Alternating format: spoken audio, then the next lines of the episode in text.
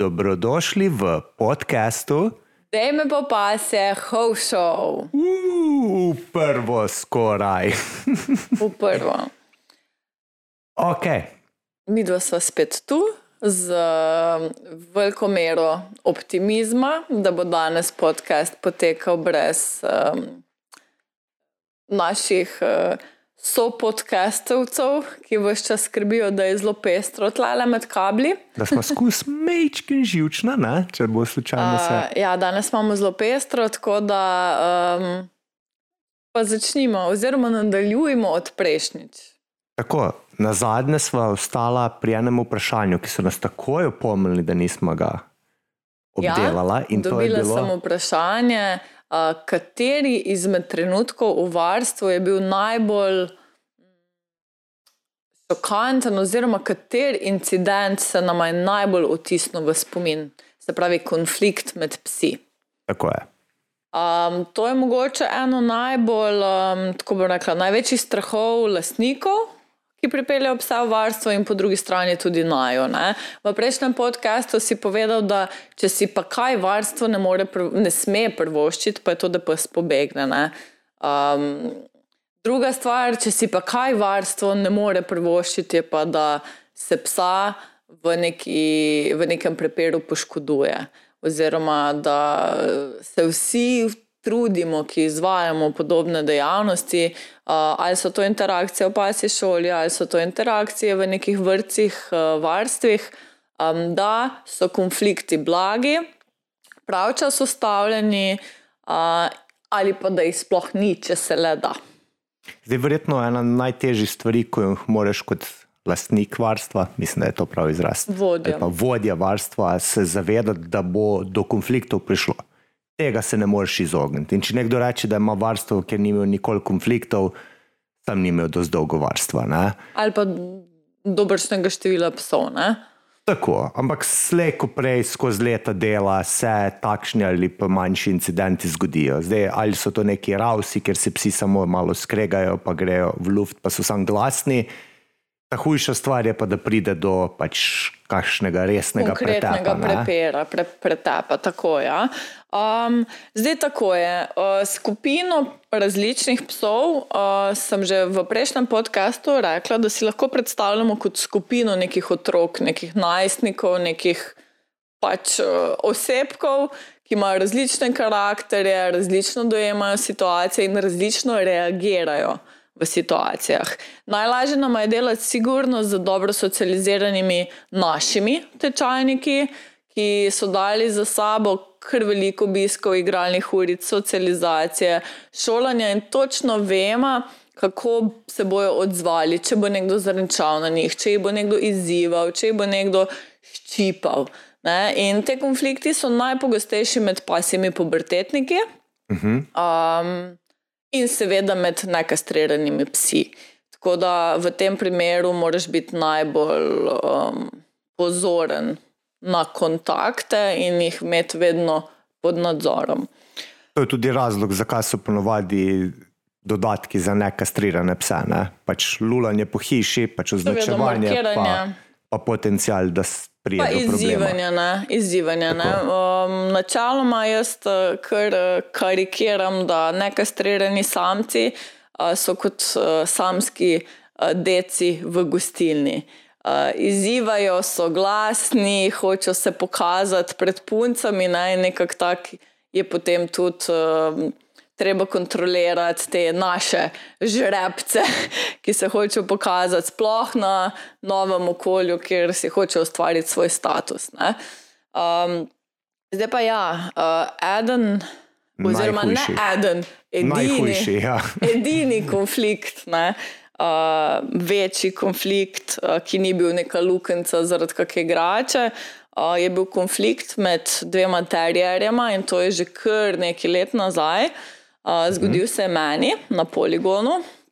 Uh, šlo pa se je za dva terjerja, uh, starejša, ki sta mnogo let hkrati hodila v varstvo.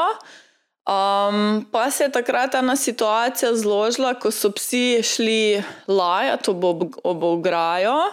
Uh, en terjerček je prišel na novo, sem ga ravno kar dala iz kombija.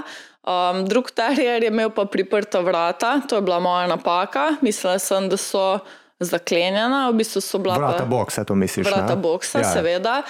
In v tem, ko sem uh, kontrolirala tisto uh, ta malo skupinco psov, ki so šli lajati, je ta veliki terjer odrinil vrata in se brez kakršnega koli razmisleka zagnal v tega na novo prihajajočega terjerja. Ne. Se pravi, v svojega hm, dolgoletnega frenda oziroma psa, s katerim sta dolgo hodila v varstvo, um, ampak pač adrenalin. Ne. Tisto, skičenje, obograj, lajanje, hype. A, pač recimo to, predvsem vzreditelji ali pa te, ki imajo več nekastriranih uh, ali pa nesteriliziranih samic, samcev, kakorkoli že, uh, vejo, da pri hajpu, pri nekem hudem shičenju v pasi skupini, um, so predvsem terjerji tisti, ki iščejo, iščejo konflikte in se zelo radi um, pridružijo kakršnem koli fajtu. Ne? Če govorimo manjši prepir za žogico, manjši prepir za priboljšek, za karkoli, vedno medva rečemo, vedno gledaj, kje imaš terjerja. ne. Ja, ne, Če so se, terjerji pod kontrolo, pol je vse pod kontrolo. se zna zgoditi, da se ne vem, dva Jack Rasla samo lajata en na drugega ali pa nekaj, ali pa da nekdo sam zacvili v igri preventivno, da ustavi psa, že gledam, ki je un Stafford terjerček, Ja. ko bo šel. Mislim, to sigurno vemo iz svojih izkušenj, ker Twix je eden tistih terjerjev, ki je ima celo življenje čakal, da bi lahko bil del enega konflikta. Ne da bi ga sam zakuhal, ampak sam, da se lahko gre zraven kregati. Tako, pa niti ni bilo važno, kdo, kaj je, sam da gre. Ne? Nekdo, ko njemu pač ni bil najbolj simpatičen, ponovadi. In to ne. po eni strani izvira iz naloge, ko so jo imeli skozi svoj pač, nastanek. Ne? Njihova naloga je bila, da lovijo miši, da lovijo podgane in to so živali, ki cvilijo, ki zelo visoke tone oddajo in piskajo, in vsak tak ton v neki skupini jih spodbudi ta lovski nagon in hočejo iti takoj. Ta prepir, takoj grabiti, takoj biti tresli. Ne? In je treba biti zelo previden pri takih pseh, in zato je nujno, vedno pri vseh terjerjih, pri vseh Staffordih, delati to socializacijo pri mladih, da se navadijo teh tonov, da se navadijo, da do take situacije ne pride. Ne? In v tvoji zgodbi, ne, V moji bila, zgodbi ja, sta bila to srednji in mali terjer, dva, dve različni pasmi terjerski. Uh, kjer je bil moj cilj, kot sem že povedala v prejšnjem podkastu, stvari moraš izpeljati merno, za čim manj panike, za čim manj um, nekih uh, neprimernih gibov in podobno. Ne? In moj plan je bil.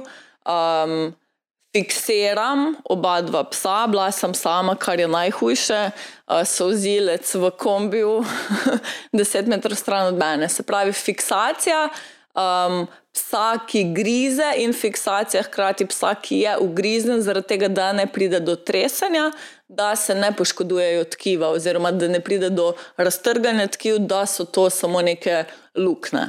To je še ena tako zelo značilna stvar, ko jo delajo spet Staffordi, pa terjerji, pa pitbull pasme, je tresejo plen. Ne, njim Ali pa igrače, ne, na splošno. Nagonsko, igri ko zagrabijo, bi najraje stresli. In je verjetno tudi najtežja situacija za reševati prepire med takimi psi, zato ker ga moraš psa fiksirati. Ne, ne moreš počakati, da se odmaknete en od drugega, naprej, tako se to preučali zgodi ali po podobnih pasmah. Ampak pri terjerjih smo da težo na psa, da ne pride do tresenja. Sploh, ko se pogovarjamo večji, manjši pes, nastane tam problem. Ne? In kaj si naredila? Uh, Noč, v bistvu sem jo držala, oba dva sem držala, preprijemala. Um, seveda je prišlo do poškodbe tkiva sprednje tace. ne. Um, A kaj se je zgodilo? On je pač prijel psa takrat. Ne, Prijel je psa, zapomnim. seveda, v tistem uh, hajpu uh, s- uh, je prijel psa, uh, jaz sem seveda skočila na njega, oba dva fiksirala in potem smo držali. ne. Um, Okrog po YouTubu kroži en najn posnetek, ko opisujemo, to si kar pete pogledati. Jaz osebno mislim, da je to eden tako zelo poglobljenih uh, razlag, kako reagirati v primeru napada psa, sicer v tistem primeru na človeka, uh -huh. oziroma na mamo z dvema otrokoma. Recimo. Um, in pač v tem primeru uh, je bil zopet plan držati. Ljudje načeloma na robe reagiramo, v medijih se pojavljajo razno razni incidenti, od uh, vlečemo stran psa, se pravi, pomagamo povečati rane. Do tega, da tepemo vsake grize, se pravi, da mu še bolj dvignemo adrenalin, da še bolj trdno zagrabi, Um, to je en kup posnetkov, ko ljudje se spravijo na psa, za koli, za vodo, za ne vem, čim vse, pes pa samo preprijema, oziroma še bolj trdo stisne. Na moj plan je bil uh, deeskalirati situacijo, uh mhm. -huh. omiriti do te mere, da ko bo pes preprijel v tistem primeru svoj plen, uh, ju dam na razen. Uh, to je sicer malo trajalo, ampak je šlo v dveh minutah sem bila na veterini, um, na antibiotikih, na pregledu, na čiščenju rane. Um, potem pa tako, no, če, če bi. Da to oblikujem, da se ne bo na robe slišal. Um, ker ni bila rana pravilno servisirana, se je predolgo gnojila, in smo imeli na koncu veliko večje probleme z, te, z gnojenjem in s tem povezanimi problemi, kot pa če bi rana bila prav čas odprta, ščiščena, antibiotike en teden in bi bilo to. to. Aha, se bolj ni bilo, kako se spomnim, ni bilo nekih hudih, hudih poškodb pri samem ugrizu. Mislim, bila je, se, da, bila, bila je poškodba, bila je poškodba tkiva, bil je ja. oren ugriz, neč ne rečem, se pravim, takoj sem reagirala, takoj smo bili pri veterinarju. Um, pri treh različnih veterinarjih, no, seveda, pač, kot sem že prejšnjič rekla, za tujega psa, definitivno želiš dva mnenja, vsaj. Um, Je bilo pa res, kot sem rekla, slabo očiščeno in zaradi tega se je še naprej gnojilo, kar je nama na koncu kar povečalo strošek oskrbe oziroma plačila veterinarja. Ne? Ker to pa je ena takih stvari, ki si jih zelo resno jemljemo, midva. Ne? Mhm. Če pride do um, poškodbe pri igri, um, ali pač bom, kako bi to oblikovala. Ja, jaz pravim največkrat pač poškodbe. Poškodbe iz zaradi, malomarnosti ali ja, slučaja. Ali malomarnost se mi zdi. Na ta način rečemo. Ne? Pač poškodbe, ki, ki si smatramo, da smo medvo krivi. Da smo medvo krivi v tem primeru. Boksa. Tako, ja. Boksa nisem pravilno od, uh, zaprla tako da uh, smo seveda pripravljeni na krit vse stroške. Jaz sem pa tudi tega psa še imela pri sebi, kljub temu, da se je lasnica že vrnila z dopusta, uh, ker sem mogla delati injekcije, uh, antibiotik, um, pa vse te stvari, tako da sem popolnoma prevzela še naprej. Kot so rekli, če psi pridejo k nam v varstvo, so najni. In sem jaz še pol, uh, ne vem, ne, par dni prevzela skrb za tega psa. In uh, v bistvu, ko smo našli pravo veterino, ki se je oren klotila problema, je stvar v dveh, treh dneh bila rešena, prej pa se je malo to pacalo po različnih veterinah. Tako da, mm, kako ne rečem, mal splet čudnih okoliščin. No. Ali, ali ni bila bi zelo hitro rešena na lepši način. Ali ni najbolj grozna stvar to, da kombinacija dveh psov, ki se stepeta, je najhujša, da imaš dva terijera? Po drugi strani, pa ko se poškoduje nek pes v varstvu, je pa spet najbolj, da je terier. Zato, ker saj lastniki terierov so veliko bolj tolerantni do tega, ker vejo, kakšne pse imajo, vejo, da lahko tudi sami zakuhajo. Sploh, ko daš nekaj striranega teriera v varstvo se moraš zavedati, da lahko špetir za kuhanje. Mislim, da je tako, če potegnem črto, terjer, ki je bil napaden, je tudi terjer, ki je največ sikal v varstvu, vedno. Itak, Danes itak. je sicer ok, že kar nekaj časa pokojen, uh, meni zelo ljub. Ja. Uh, Ena ampak, prvih strank še vedno. Ampak tak pes, ki je vedno je izzival na sprehodu, vem, da so ga kot lastnica hodila z njim na, spre, na sprehode. V njegovem 13 letih življenja je bil sigurno na 3-4krat napaden. V glavnem tak. Kinovec mali je bil. No? Tako da jaz mislim, da je leta in leta najedel točno tem psom. Najhujše je bilo že to, ne, da je terjeri, določeni spotelovski, pa to so že grajeni tako, da so odporni na marsikero poškodbo. Imajo tip dlake taki, imajo grajeni so na način, da se ne poškodujejo z lahkoto. Ne? In naprimer tega terja, tako si rekla, so že napadli psi, sem so ga takrat k sreči za hrbet zagrabili, ker je bil to Kern Terrier. Nord, O, Norfolk Terrier. Tako, ja, in, in imajo zelo ojačeno hrbtno to kožo in dlako imajo tako. tako da, če Pa, pa se res, mislim, če bi šlo iskreno, če bi šlo za tak napad, oziroma za tak ugriz, za tak prepir pri nekem um, občutljivem psu, um, recimo maltežanu, bi bile poškodbe večje, sigurno. Ne, ne bi šlo sam pač tkivo, mišična masa. ne. Um, Potem pa se je seveda z rehabilitacijo, je pes normalno hodil, ni bilo pač nekih večjih problemov. Um, Mi dva pa smo se kar naplačali. No. Mislim, da takrat so tiste tri veterine, tri različna mnenja, uh, stvari, ki so se zakomplicirale zaradi napake veterinarjev, ampak iskreno, jaz se nikoli nisem pol v to poglabljala. Ne. Um, edin mislila sem si, ok, manjši incident bi bil osebno za mene mentalno, uh, ker bi bil v pari dneh rešen. ne. Uh, to se je pa potem vleklo zihra na dva tedna. Uh, plačala smo pa tam okrog uh, 1400 evrov. tako nekako mislim, da je bilo veterine, ne. operacija, pa veterina, pa še nekaj. Tako, bilo, ne. ja. Um, zdaj pa tako bom rekla, no, glede na to, da res nimamo veliko incidentov, um, je budžet, ki ga imamo za kritje veterinarskih stroškov in za najne pse, ki jih ni malo, uh, in recimo za slučaje, ki se zgodijo v varstvu, je pač um, sprejemljivo. No. Je pač moramo ga imeti, ne? to je tisto. Tako. Pet let se ne bo nič, nič zgodilo, pol enkrat se bo zgodila praska, bomo dali 30-50 evrov veterinarju, pol pa ena taka, zdaj v desetih letih ne, se je tak špitirček zgodil. In zdaj Ja. si, si kdaj razmišljala, mislim, zihr sem, da si razmišljala, ne, kaj bi lahko naredila drugače, pač v tisti situaciji, ko si se znajdla. Um, Ker to vem, Ja, bilo, mislim, sem veliko razmišljala o tem, um, sploh v tistem obdobju, ker sem pač seveda tudi sama sabo sem se mogla malo pomeniti, zakaj ne vedno analiziramo stvari, zakaj pride do incidenta, zakaj pride do prepira med dvema. Pesoma prva stvar za, za, za ne, oziroma ja, za to- A, druga stvar, me je bliže sozilec.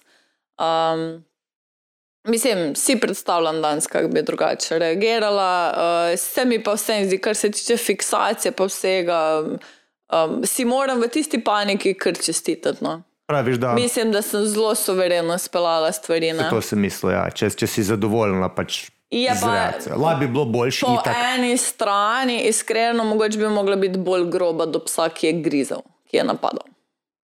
Ja, ne, sem to je spet Ampak to je spet uno, ne? terjer, če ga Ja, boš ja, malo preveč točno to, grobo, se bo izklopil, podaljšaš zadevo za Točno pol to. ure. Ne, in, Točen to je, ne? jaz sem hotela, pač se je bil stabiliziran, ne? sem Ja, se ga ja. z nogam držala, da je bil primeren, ne? da je samo uh, ugriz smel. Ne? Ampak recimo, um, ne vem, no sej v bistvu.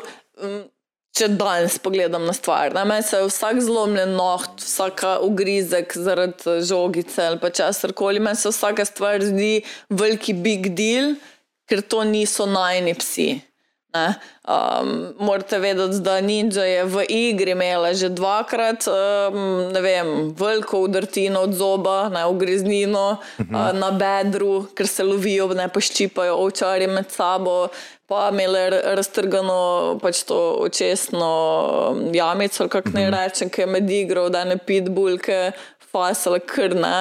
Um, drog Veliko mislim, da se je zaletela betonski stranjo, Ja, pa se je odprla. tako da tako bom rekla, ne. za, za najne živali mi res ni problem. Um, ker pač sem zraven, ker vem, kako se zgodijo, zakaj se zgodijo, pač pocelimo, gremo naprej. ne. Um, Kakršna koli praskica, ranica na drugem psu je pa ena tako zelo neprijetna zadeva. Ne? Je, kot si rekel, pričakovana, po drugi strani pa neželena. Ne? Uh, tako da vsaka večja rana, ki pride, je tako. Na, glik zdaj, ne? Mislim, Mislim, se je vedno glizde, ne? se ni, ni pravega trenutka za, za večjo ranico. Ja, ne. ne. Je pa res, da sem se mogla skozi vsa ta leta sprijazniti oziroma pogovoriti sama s sabo, da, kot si rekel, statistika pač kaže, da na vsake tok časa je en incident. Ne moreš pričakovati, da vem, otrok v vrtu ne bo nikoli padel, pa si ne vem, raztrgal kolen, ne moreš pričakovati, da ne vem.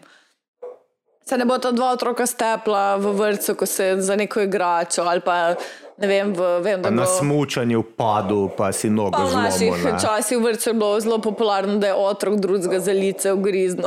Mislim pa veš take. ne. Um, ampak, klej, to je del tega.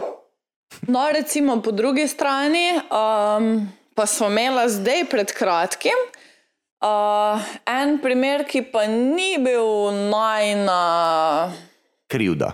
krivda, malomarnost, odgovornost, kakorkoli. Pa smo se vse iz svoje dobre volje odločili, da recimo ga krijemo. To je pa v bistvu drugi največji strošek, ki so ga imela do zdaj. Ne? Mislim tako, iskreno povedano, včasih se sprašujem, če smo mal butla, da smo se pustila tukaj na hecati, sam se nam ni dalo vžigati bolj kot eno. Ma, jaz osebno mislim, medva smo se.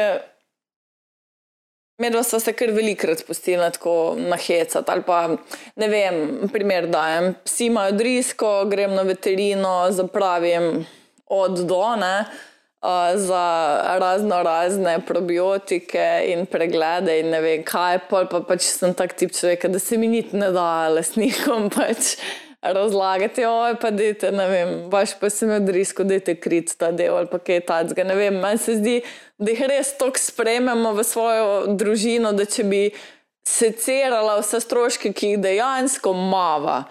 Od eh, priboljškov do probiotikov, do ne vem, kakšne vse homeopatskih stvari, v glavnem vse, kar naj ljudje tudi prosijo, ne, da vzdržujemo zdravje njihovih psov, pač ne vem, si jaz to vzamem kot del najnega poslanstva, pa niti pol ne kompliciram, recimo za neke um, manjše stvari, manjše stroške. Ne. Mislim, iskreno povedano, jaz si tak jemljem. Za vsako tako, ne vem, tabletko proti driski, probiotik, pa to imamo eno super stranko, ki nam kavč podari, ko, ko ga dajo stran. Ko nam podari vrečo hrane vredno 60 evrov, pa si tak vzamem na dolgi rok, se pokompenzira, pa, pa je v redu. Ne? Dobrota se vrata, vrača z dobroto, pa mi je lažje. Pa glede na to, da tudi um, to mislim, da smo sigurno že v kakšnem podkastu podarila, pač mi dva res nismo obremenjena um, z samim zaslužkom ali pa ni Tako. denar nikoli cilj ničesar. Denar pride sproti, če v stvari uživaš. Tako. Um, no, in v tem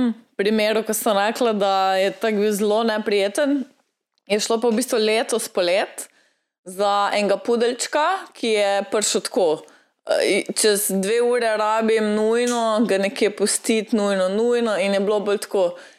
Um, delamo jim uslugo, varianta. Ne? Se pravi, neznan človek za neznanim mladičem, um, ajde za en dan oziroma dva dni, Pa dija. to res na mimo grede. In uh, jaz ne vem, po eni strani si mislim, mogoče pa že imel kakšno predispozicijo, mogoče že imel poškodovano nogo, ne vem. Ah, to je ziger imel. Nisem, ne grem pač v detalje, niti se s tem ne obremenjujem, ampak v glavnem tako že je prišel k nam. Uh, bil je v teh dveh dneh, ker je bilo tako bolj tak, tak vreme, uh, malo po dnevni sobi in malo na terasi, niti v bistvu ni uh, se fuligral za psi, bil je bolj crkljivček, vesel, poskočen pudelček, ampak tako zelo nežen, zelo nežen.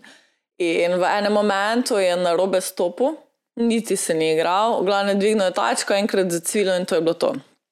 In je pač zadnjo tačko držal, držal v luftu. In seveda navodila lastnikom so bila- so bila, peljte ga k veterinarju, verjetno je nek udarec bil, ker itak neki blazno življenje od sebe dal, ne? je bil tako zelo nežen, da um, če slučajno karkoli je, ni problema, krijemo veterinarske stroške. Ne?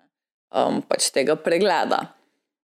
No, tukaj so se stvari malo zakomplicirale, Uh, predvsem zato, ker najprej so te ljudje kar čakali dva, tri dni, so se kar nekaj po telefonu pregovarjali, gremo, ne gremo, gore, dole, levo, desno. Sem že jaz malo halal, če ne ga bom jaz pelala, da imam mi to mal ne.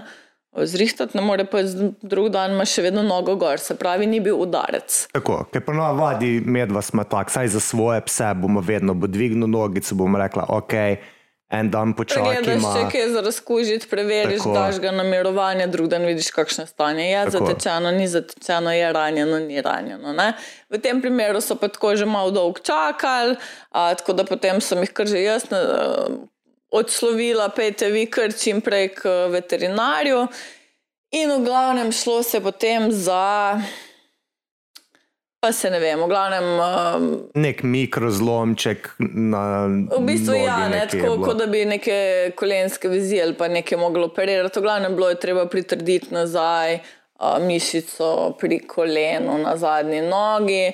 Uh, in spet noben problem ne bi bil. Uh, jaz sem takoj um, rentgen slike. Poslala uh, za drugo mnenje še k enim veterinarki, ki je rekla, potrebna bo operacija, v redu. Takoj smo se strinjali, da um, delno prevzamemo odgovornost za sicer športno poškodbo, kar po pogodbi niti ne bi rabila. Pa smo vseeno rekli, ajde, uh, bomo se um, vključili v um, pač, uh, veterinarski del tega psa, pa to rešimo. No, pa pa. Mislim, situacija je res smotana. Jaz, sem, jaz nisem se znal odločiti, zato je bilo res, kuža je šel k nama, v dveh dneh smo ga vrnili z, iz njihovega vidika zlomljeno nogo. Ne? Ja, pač Oziroma potrgane vezi. Ja, te pudlička, veter zapiha na robe, pa se lahko poškoduje. Ne? Zlomljeno nogo. In zdaj, ok, da, da smo ga medva pustila s prevelikimi psi se igrati, da smo mu, ne vem, da je pretiraval, da karkoli takšnega, da se je zgodil brez slabe vesti. Bi tudi kriv. iskreno povedala. Lejte, ja, se je zaletela en štoras pes njega, šepa bomo krili. Tako pa, ko je po ravnem hodu, pa si nogo svrdir, bo se mi je pa že tako za mal zdelo. No. To, to pa res ni najna krivda. To bi lahko šel jutri na pločnik, pa isto stopil, pa se bi mu isto zgodilo. Ne. Ampak ta, v bistvu šlo se bolj za to, da kot sem prejšnjič rekla, med dvoma ima strašno iskrene odnose z najnimi strankami. Tako. In katerikoli stranki, oziroma bom rekel, kar pasi familiji, bi z veseljem krila, z največjim veseljem vse operacije na tem svetu, samo da so psi dobri, oziroma ok, zdravi. Mm, v tem primeru sem pa nekako posumila, da ali se je šlo že za pred, uh, neko pred, predispozicijo za to poškodbo ali pa mogoče celo ne vem, gospa ni imela denarja. V glavnem, um, pogovor z njo iz moje strani je bil čisto korekten, ona je imela pa dobre, pa slabe dneve. In mal je bila nervozna, jaz predvidevam, da je v življenju marsikdaj jo že kdo nahecal ali pa je kaj obljubil, pa ni bilo res. Um, Najo pač tisti, ki poznate, veste, da za svojimi besedami stojimo. Tako da, tako sem od prvega rekla, delno prevzemamo odgovornost, tega sem se držala. Ona je imela pa dneve, ko uh, je bila strašno uh, arogantna in nesramna prek telefona, pa dneve, ko je bilo vse ok. Tako da, pol na koncu sem rekla, prosim, pojte k veterinarju, pošljite tisti račun, pa je to to. Tako je, ja. kaj jaz vem. Tako da sem... smo za najno dobro voljo, ne smo rekli, ni najna odgovornost, ampak v dobri veri in uh, z najno dobro voljo vam krijemo to operacijo, sam temo. Pač Dejansko tako bi bilo, da, da je to ena najnih rednih strank. Ne vem, če bi krila to poškodbo. Pa tudi oni da, bi bili tako. Da je to ena najnerednih strank, bi medva izsilila, da lahko krijemo to Mislim, poškodbo. Bi, bi hotela nekaj dodati, ampak bi bila situacija direkt to, kar je bilo. Bi rekli, to je športna poškodba, teko je tam ravno. Nimamo medva res nič s tem, tako je bilo pa res. No, ta gospa je pa že v, v prvem pogovoru rekla, tudi če bi mi soseda pred trgovino držala psa in da bi pes v tem času začel šepati, bi soseda krila vse te stroške. Tako da sem vedela, ok, ta gospa nikoli več ne bo najna stranka, ne sprememo njenega psa, plačamo operacijo, zaključimo zgodbo. Uh, in to se je res zgodilo, spet dala smo, ne vem, okrog 800 evrov, 800 evrov ja. uh, da so tega psa operirali. Um, Pa je sporočila, če kuža dobro. mislim, tako nehvaležno, niti sporočila ni, če pa so redo. Tako da sem pri veterinarjih potem mogla preveriti. Tako da, Ja. evo, to pa je en tak. Um, Ena grenka izkušnja, recimo, uh, najnega dela, da včasih se sprašuješ, kaj je ja, kaj je ne. Se mi zdi, da bolj kot nekomu delaš us- uslugo, slabše se pa na koncu spele. Tako imam občutek, ko hočeš iti ljudem na roko, ali pa res, da izjemoma, kaj ga psa sprejmeš, pa imaš pa skozi neke. Um, ali probleme, ali zaplete, ali karkoli. Tako da eh, se pravim, zato, ker nismo tako osredotočeni na denar, ampak sam v svojo dobro prakso, sva rekla, ok, vredi, gremo naprej, zaključimo to zgodbo. Ne. Zdaj, če te prav zastopim, butla. Mislim, ja, definitivno. Uh, jaz bom iskreno rekla, mislim, da um, veliko število vrstev. Ali pa ne vem, izobraževalnih ustanov, ali pa pasi šol, pač bi tako ravno odslovilo, gospod, to je to, zaključil zgodbo. Ne. Si predstavljaš, da si ko- učitelj športne vzgoje, pridejo mulci, rečeš, zdaj bomo pa igrali futbol in on teče proti golu in pade na Ne, glavo. on gre po žogo v In si, garderobo. in si zlomi nogo, in si pol tak, ja, to, to, to, to ni šola kriva, vaš mulj se mora hoditi naučiti, ne, ker to z tega nič. Ne? In Tako zdaj, da, v glavnem, pustimo zdaj ta incident, ampak tako pač res čudna situacija. grd. Ne? Uh, ki, ja, o kateri niti ne mislim razmišljati preveč, zaradi tega, ker se mi zdi tako zelo nepotrebno vse skupaj. To, okay. točno tako, je bilo treba tega situacija, bilo, to je bilo v nulo. Je Pač božje bilo, da bi tiste, če je rekla gospod, preveč je zvečer ne Še nabavite, iskat sem ga šel, da si Ja, jim uslugo naredil. Vse bolj je bilo hočeš, tako, bolj ja, hočeš res. ljudem imeti na roko, bolj te potem nekako življenje tepe. ne. um, tako da, ok, ljudje, uslug ne delamo. Je zdaj tako, ne? jaz sem ravno prejšnji teden šel na izobraževanje za, ko psi vidijo rdeče, ker naj bi bilo predavanje o samem, kako preprečiti oziroma kako rešiti prepir oziroma pretep med psi.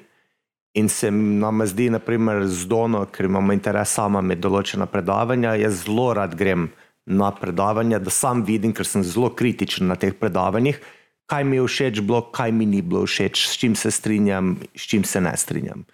In naprimer, na tem predavanju, ko sem bil, so imeli zelo pogost problem, ki se dogaja na večini predavanj, katere obiščem, čez, oziroma izobraževanj, katere obiščem.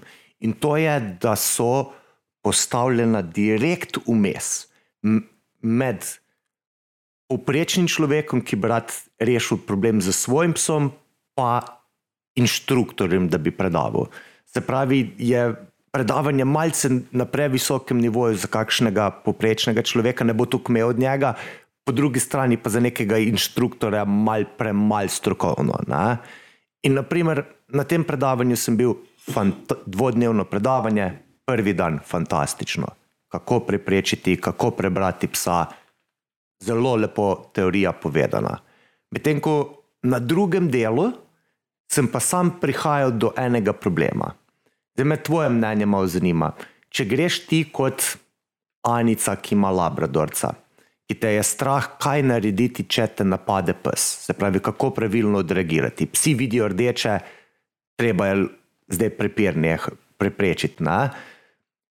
Znašel sem se v problemu, zato ker je bilo tako, kot da ima oseba, oziroma kot da imajo vse osebe odgovornost reševati ta problem. To sem imel prvi problem. Se pravi, jaz si tako jemljem, medva, ki imamo varstvo. Najna naloga je rešiti prepir, s tem, da je čim manj poškodb na obeh straneh. Se pravi, zato ker so oba psa praktično naša. Čim manj poškodb, pa čim manj uh, mm, psihičnih, uh, bom rekla, utrinkov od tega. ne. Uh, jaz moram povedati, da ta dva psa, ki sta bila ugrizena, no, če lahko se še Ja, ja, ja, navežem kar, na tisto, ali pa naši psi v kakršnem koli rausu, v čemer koli. Nihče, prav nihče ne odide iz konflikta z slabo izkušnjo. Oziroma z izkušnjo, ki bi potem vplivala na njegovo vedenje okoli psov.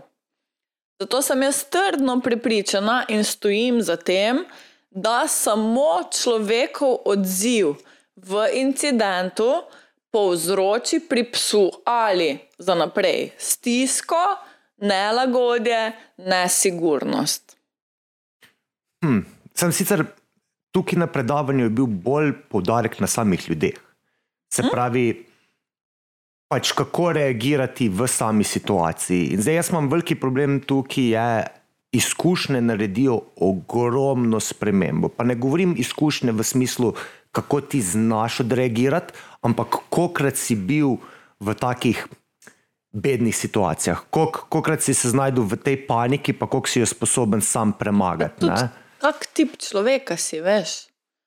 Ti ne moreš od človeka, ki je okrog sebe, ima veliko skrbnih ljudi, uh -huh. ki so že pol mal paničen tip človeka. ne. Uh -huh. In jaz si ne znam predstavljati pri takšnemu človeku, da bi nek naraven naravs med dvema, dvema kuškoma um, znal ustaviti brez panike. Razen če bi se mu vsak dan dogajal med dvema domačima kuškoma. Sej to je, ne? ker ti kot, kot inštruktor, kot nekdo, ki ima varstvo, konec koncev, že, že ko imaš pasijo nego, ne? friziranje psov.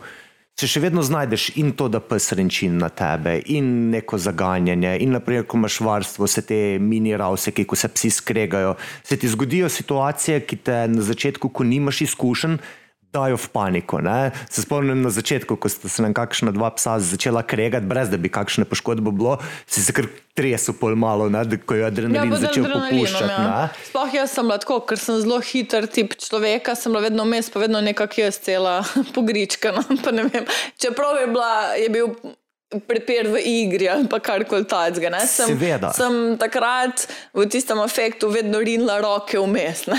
Vedno sem kandidirala za neke Seveda. poškodbice jaz, ne. čeprav se si psa ne bi nič naredila. Pa že iz izkušenj se pol posledično učiš, kako bi mogla odreagirati, lahko bi to bolj speljala. Dober je, ker vse, ker vse potem zanaliziramo. Se Tako. pravi, teh prepirov, uh, ta pravih incidentov ni veliko, ne? se pravi, eden v ne vem, desetih letih ali pa dvanajstih letih, kar po pa se sploh obstaja. Teh mini, mini ravsekov je pa veliko, ampak pri ravsih se da to zelo enostavno rešiti. Ali dvigneš glas, ali stopiš vmes, ali, mislim, ne, ali zaploskaš, vedno je tako. Zdaj za, za definicijo sam, da ljudje, da jim je jasno, o čem govorimo. Naprimer, ko govorimo o ravsu, to je praktično prepir, kjer psa nimata namena resno poškodovati drug drugega. Se pravi, se sta se to skregala, se bi mal ščipnila, bi se odgnala, nekaj v tem smislu. Medtem ko ti spravi pretep je pa, ker je namen drugega psa poškodovati. Ne? Te so sami po sebi zelo, zelo redki. ne. Tudi Pa niti ne predstavljam si, razen recimo tega incidenta, pa še to je bil splet okoliščin. Ja, jaz mislim, da v tvojem primeru, če ne bi bili terjeri, da bi drug drugega še pumpala, pa eskalirala, to dejansko ne bi šlo tako daleč. Ma ne. Ne? Če ne bi takrat tisti nek tovornjak ali na kaj so šli lajati, sploh šel Tako. ne bi bilo nič v bistvu. No? Ne bi bilo tega hajpa. Um, Bi se zadrla, pa bi šla najverjetneje na razen. razen. Odrinu vrat. V glavnem pač res splet okoliščin. ne. A, Je pa res, da lahko iz malega prepirčka a, lastniki psov v svoji paniki naredijo večji incident. Ne? Se pravi, večkrat je povod človek mogoče. Um, in zato je tudi ena izmed, um, oziroma to je tudi eden izmed razlogov, uh, zakaj ne vem, meni osebno niso prosti pasi parki všeč. Ja, zato ker je silijo ljudi, da se znajdejo v tej situaciji. Večjih psov, a, nekih ljudi, ki pridejo tam zelo sproščeni, recimo, a, nepozorni na vedenje svojih psov, in po drugi strani, ko pa pride do incidenta, je pa tam preveč uh, ljudi, ki bojo v paniki ali vlekli, ali rinili, ali ne vem, vreščali. Uh, ali udarjali po psu, ne? se pravi, si znam predstavljati, da lahko v nekih pasih, parkih zelo hitro pride do nekih uh, eskalacij. Tako, Problema, ja. ko ne bi rabo biti sploh problem. Tako, ne? tako zaradi Veliko več nepravilnega poškodb, odziva veliko ljudi. več vsega. Ker vidim, eh, prihajam v kontakt z oglo- ogromno lastniki ali pa, psov ali pa tečajniki nasploh, ki eh, p- že pri orang igri med dvema, recimo ovčarjema, ovčari se zelo tako vokalno eh, grizejo, renčijo, igrajo, ali pa dva terjerja strašno renčita. Mm, Jaz vidim, da je ljudem poslušati samo renčanje, pa čeprav v igri, samo gruljenje, samo lajanje, jim zbuja zelo neprijetne občutke. Zdaj pa veliko ljudi reče, da ima iz otroštva slabo izkušnjo, ali da jih je pes uščipnil, ali da so se ga fejsto strašili, ali da so jih doma recimo strašili, da so psi nevarni, da če te ugriznejo, ne vem, da boš kar umrl. Ne? In uh, meni se zdi, da se skozi generacije ta strah pred pasim napadom ali pa med uh, pasimi konflikti, da se je kar tako poglobil v ljudeh. Uh, tako da uh, na igralnih uricah, recimo, uh, rabi ljudje nekaj časa, da se navadijo, da vidijo, kaj je dejansko igra, kje je sploh eh, meja, da bi šla igra v konkretnejši prepir. Ja, sej, to je tudi veliki razlog, zakaj imamo igralne ulice. Ne? Se medva bi lahko samo socializacijo vem, naših tečajnikov, pa to pa jim ponudila, sam, da pridejo vem, v vrtec k nama, pa da bi se psi Sej, sam pod tisto bi nadzorom. lažje, sigurno bi bilo Nama bi bilo lažje, tako. ne bi bilo pa tako um, poučno, kot je recimo uh, za te vodnike psov, ki pridejo. Ja, tam Jaz imajo mislim, da to je strašno vredno, da lastnik prepozna igro svojega psa in da ve, kje je meja, da bo reagiral, da bo psa poklical iz igre, ali pa da bo kak, um, v nastanku kak raus preprečil. Ne? Da, Mislim, to je, zdi se mi, da jim damo tam priložnost, da naj vidijo v akciji, da vidijo, na kam mi dva reagirava, pa kje, kaj je dovoljeno, pa kaj ne. ne? In naprimer, ta težja stvar naprimer, na teh igralnih ulicah je to, kar moramo medva biti sproščena. Ne? Tudi če je neka situacija, da počasi eskalira, da je treba reagirati, ne smemo medva živčno reagirati. Glede zaradi tega, da ne damo slabega vzora, kar se tiče same reakcije. Ne. Veliko bi bilo dosti, da rečemo, hej, se zaderem, ne, pa, pa bi se verjetno prekinilo ce, celo dogajanje, pa raje grem malo bliže, pa jih ločim, pa mirnejše odstranim. Glede zaradi tega, da jim pokažem, kaj je pravilen način za njihovega psa, da če se oni znajdejo v tej situaciji, kaj naj naredijo. Ne. Mm. Ker mislim, da ljudje, ko, tako smo prej rekli, ko si ti v paniki, ti ne razmišljaš. In s tem sem imel naprimer, na predavanju mečken problem, zato ker se je šlo dost natančno v kakšna je prava reakcija, kako ločiti psa, kako kak ga prijeti, kako, kako shendlati situacijo. Ne? In tukaj je tako. Jaz mislim, da večina ljudi, ko bi se znašla v situaciji, ker bi se psa začela pretepati, ker bi bil resen konflikt, bi to paniko palo, da bi ali zamrznili, to se večini ljudi zgodi, ali bi pa začeli delati pač tisto, kar ti je najbolj primarno. In to bi bil največkrat udarc psa, brcanje, pa to. Ne? In sem bil prav v razmišljanje, me je spravilo, kaj bi jaz povedal svojem, naprimer, tečajniku, svojem poslušalcu, ko bi prišel na tako predavanje. Ne? In sem prav videl, ta, ta pasja šola je bila dosta taka, zelo so nežni do psov, zelo so zelo je treba biti, kako bi rekel, hoče biti fair. Medtem ko moje mnenje je, če jaz predavam svojem tečajniku, pa to me dona doskrat krega, sem jaz bom tle, bom iskren. Ne? Jaz, jaz, ko me tečajnik. Kregam te. Jaz, ko me te- vidim, zakaj. Jaz, ko me tečajnik vpraša, kaj naj naredim, ko, ko vem, pes priteče do nas, nas napade, ne vem kaj, začne facelajati na tem, kaj, kaj bi ti naredil. Ne? Sem vedno bolj mnenja, jaz bi bil naprimer, bolj grob do psa, jaz bi dal na svet, brcem ga preden pride do psa. Čeprav to zveni grozno, grozno, kot ko rečeš, je še vedno po eni strani, ko se jaz pa moj pes znajdemo v situaciji, da pride nasproti pes, ki je nevaren, ne nevaren, ne vem.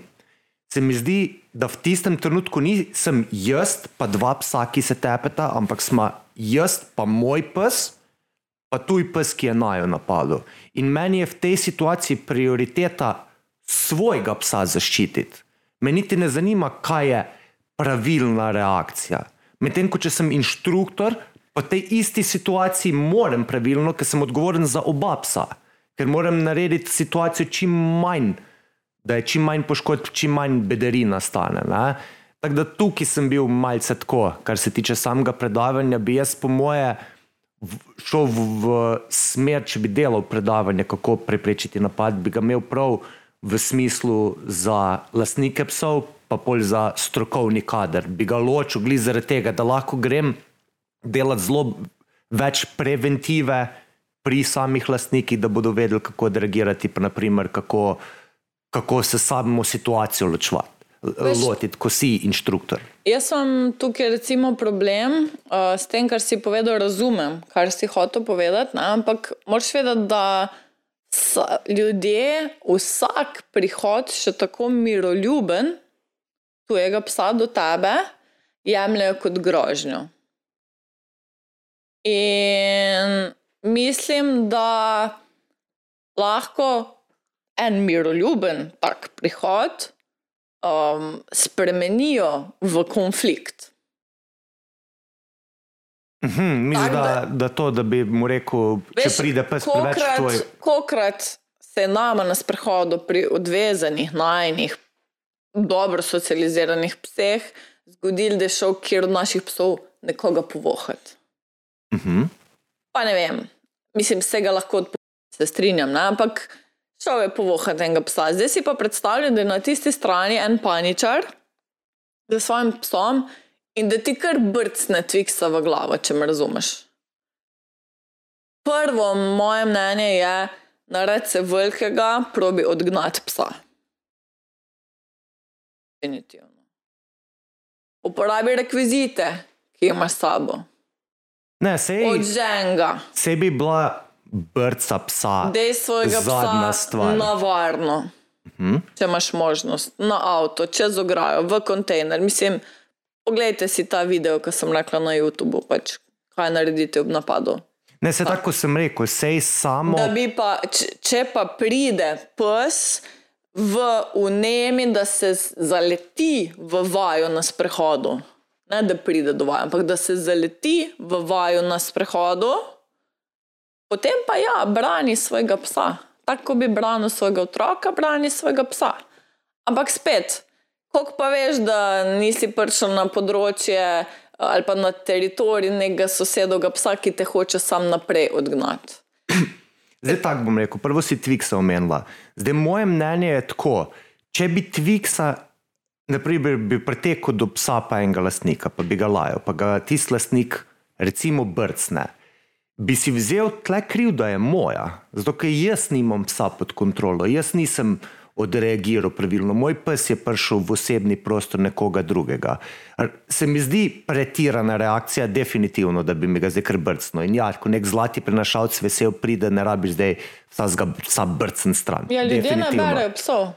Se to je problem. Človek ne bo vedel, spoko enkrat, naprimer, predstavljaj si, ti imaš maltežančka z nekega dvorišča, Nemc pride. Lahko je ta Nemc ful vesel, pa dober, lahko je nevaren. Ne?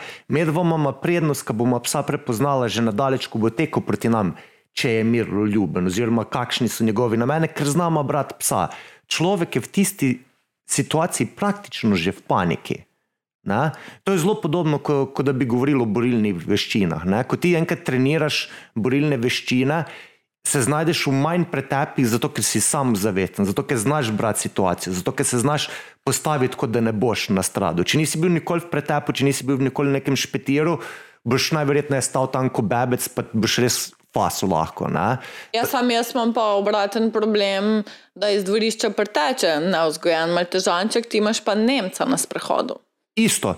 Samo jaz v unem primeru, dobro, ne bi ga zdaj brcnil kot fuzbolsko žogo, ampak bi še vedno bi se zadrl. Pač prvo bi, seveda, tako so na samem predavanju, je bil prvi dan preventiva. Se pravi, bi vse preventivne korake postavil bi se nasprot njega, zadrl bi se na njega, odgnati bi ga probo, blokirati bi ga probo. To so ta prvi te, ko jih moraš narediti, ker si koliko tok zbran. Pol pa, če bi zdaj bilo, govorimo, recimo, jaz imam agresivnega Nemca, reaktivnega Nemca, me je strah, da ne bo tega maltežana zagrabil, recimo. Ne? Veš, v tej situaciji bi pa spet določeno stopnje grobosti uporabil proti psu, zato da gre stran, da njega obvarujem po eni strani. Ne? Se v nobenem primeru ne govorim, pokončaj psa, ne? pri železniških. Tako se sliši, ne vem, vprašam. Ljudje Ne. si lahko Se to se- izjavo zelo različno jemljejo. Seveda, ne? se v nobenem primeru ne govorim, da bi se psa moglo konc koncev. Misliš, bolj prestrašiti psa, ne? Tako, ne pa sej.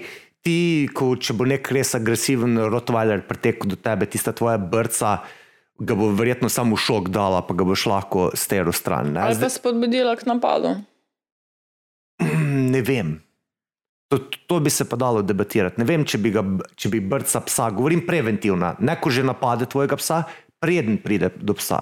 Ker jaz mislim, da ti kot poprečen, kot poprečen nekdo, ki ne dela s psi, niti ne veš, kdaj bo eskaliral. Se po Moj, jaz bi v tem primeru vedno v dežnik vzem, odpri dežnik, ko teče proti tebi. Če, pride, če se še kar približuje, rukam ga z dežnikom. Dejansko pač moj nasvet bi bil prej kot počakaj, da se povohata, pa boš pol reagiral. Jaz kot lastnik psa se nikoli ne bi rad znašel v situaciji, kjer moram reševati raus, pa, pa sam pretep.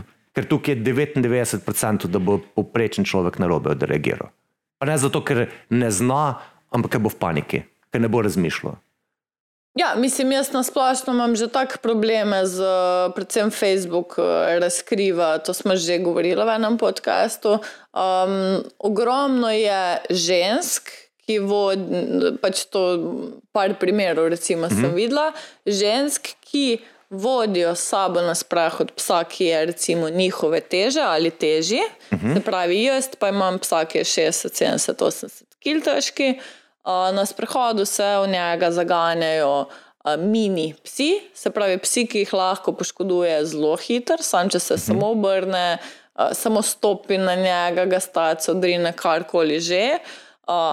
Ampak te vodnice, konkretno, um, delajo dramo, seveda, ker se bojijo, da bo njihov pes kaj naredil malem psu, uh, ampak naredijo iz tega dramo, šov, stisko, slabo voljo.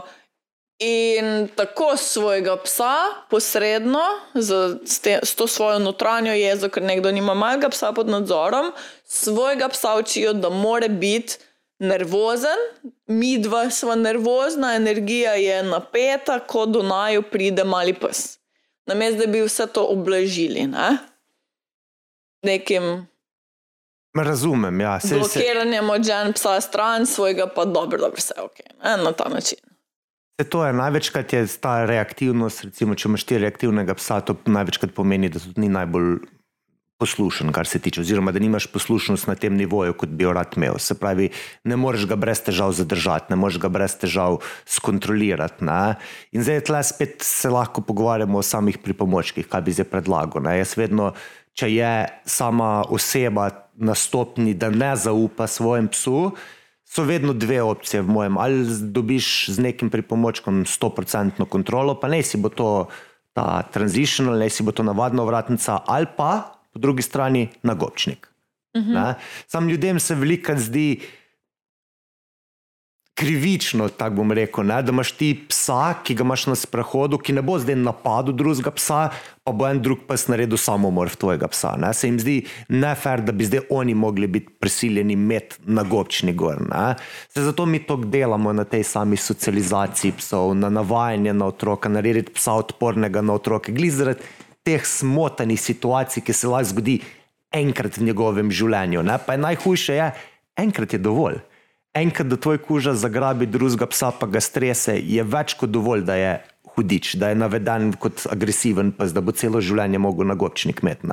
Tako da po eni strani, če imaš psa, ko nisi čist zaupljiv do njega, ko ga nimaš čisto pod kontrolo, moraš to 100% vzpostaviti. Se pravi, ali s pripomočkom, da ga kontroliraš lahko, ali pa nagočnik, da preprečiš, da ne narediš. kontrola. Ne? Točno to. Ne? Mislim, jaz tako, ko razmišljam zdaj.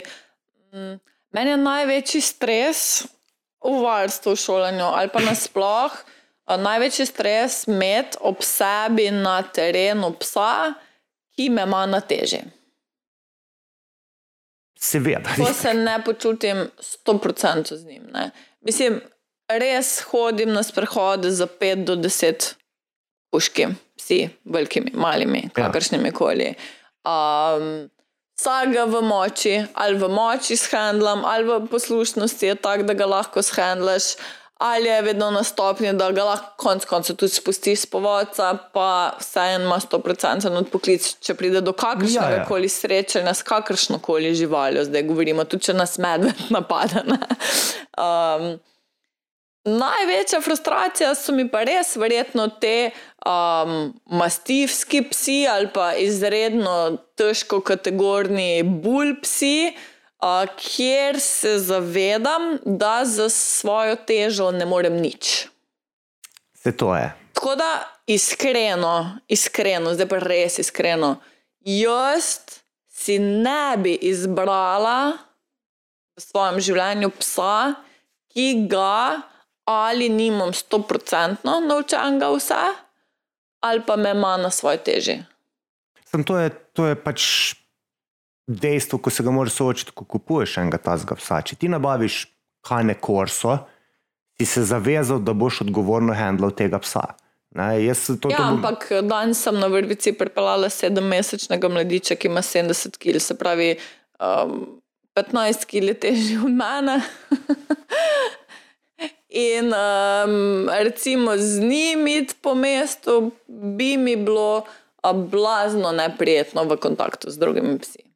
Sploh zdaj na te stopnje, ki je mlad pubertetnik, uh, ki samo čaka, kje se bo kdo pojavil za igro, za interakcijo, za konflikt, za karkoli. Uh, tako da mogoče um, poslušalce pozivam, ne, da ko izbirate psa, res razmislite.